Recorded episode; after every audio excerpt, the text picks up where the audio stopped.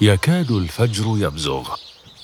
الناس نيام والهدوء طاغ على الأجواء والجمادات التي سجدت لخالق الأكوان عز وجل.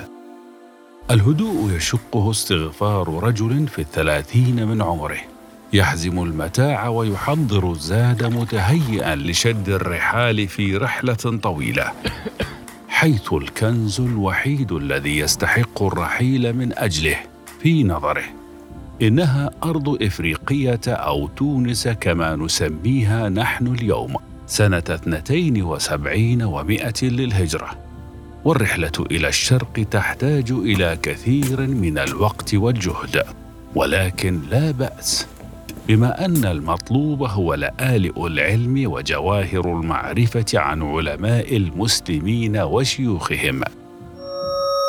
نحييكم في بودكاست متكأ من أصول. متكأ من أصول. لنروي لكم بعضا من قصصنا الملهمة.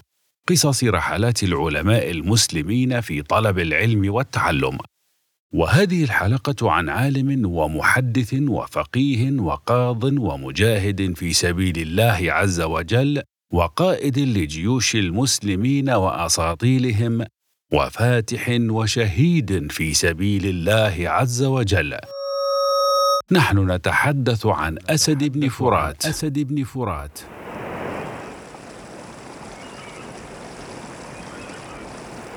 ها هو يركب البحر بعد أشهر من المسير من القيروان ليصل إلى أرض الحجاز. أخيرا سيصل إلى المدينة المنورة. حيث سيلتقي الإمام مالك بن أنس ليستمع منه مباشرة إلى كتابه الموطأ رغم أنه كان قد سمعه من شيخه علي بن زياد في القيروان. سنوات قليلة ينتقل بعدها إلى العراق للاستماع إلى الإمام أبي حنيفة النعمان ولكنه يصل متأخرا فالإمام أبو حنيفة توفي منذ زمن. مع ذلك لا تفتر همته ولا تلين عزيمته فيقرر أن ينهل العلم من كبار تلاميذه ولا سيما الشيخ محمد بن الحسن الشيباني. إلا أن مجلس الشيخ كان يعج بآلاف طلاب العلم الآخرين فلا يستطيع أن يسأل كثيرا ولا أن يحصل من العلم ما يشتهي.